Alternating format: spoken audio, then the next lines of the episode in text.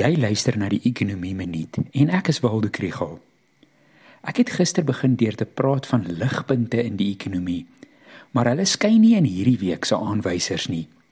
Statistiek Suid-Afrika maak Dinsdag die tweede kwartaal se werkloosheidskoers bekend.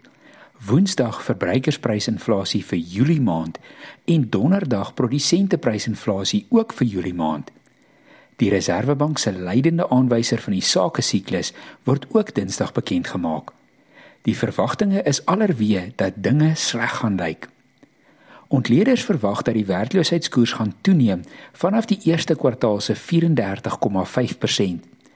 Dit is nie onverwags nie, sien dit dat die tweede kwartaal se data die vloede in KwaZulu-Natal in April insluit en die fase 6 beerdkrag van Junie maand.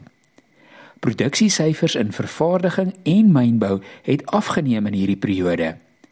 Die Buro vir Ekonomiese Onderzoek voorspel dat die tweede kwartaal se werkloosheidskoers 34,7% gaan wees. Daar word ook skerp stygings in die twee inflasieaanwysers verwag. In Julie maand het die brandstofprys met meer as R2 per liter gestyg en die pryse van elektrisiteit, water en munisipale dienste het toegeneem. Ekonome verwag dat die VPI inflasiekoers jaar op jaar met tussen 7,8 en 8% gestyg het. PPI inflasie het toegeneem vanaf 14,7% in Mei na 16,2% in Junie en nou verwag ekonome 'n toename tussen 17,6 en 18%. By dit alles was daar verlede week groot onsekerheid in finansiële markte oor die stand van die Amerikaanse ekonomie. Dit het die dollar bevoordeel en die rand en Suid-Afrikaanse skuldinstrumente het swaar gekry.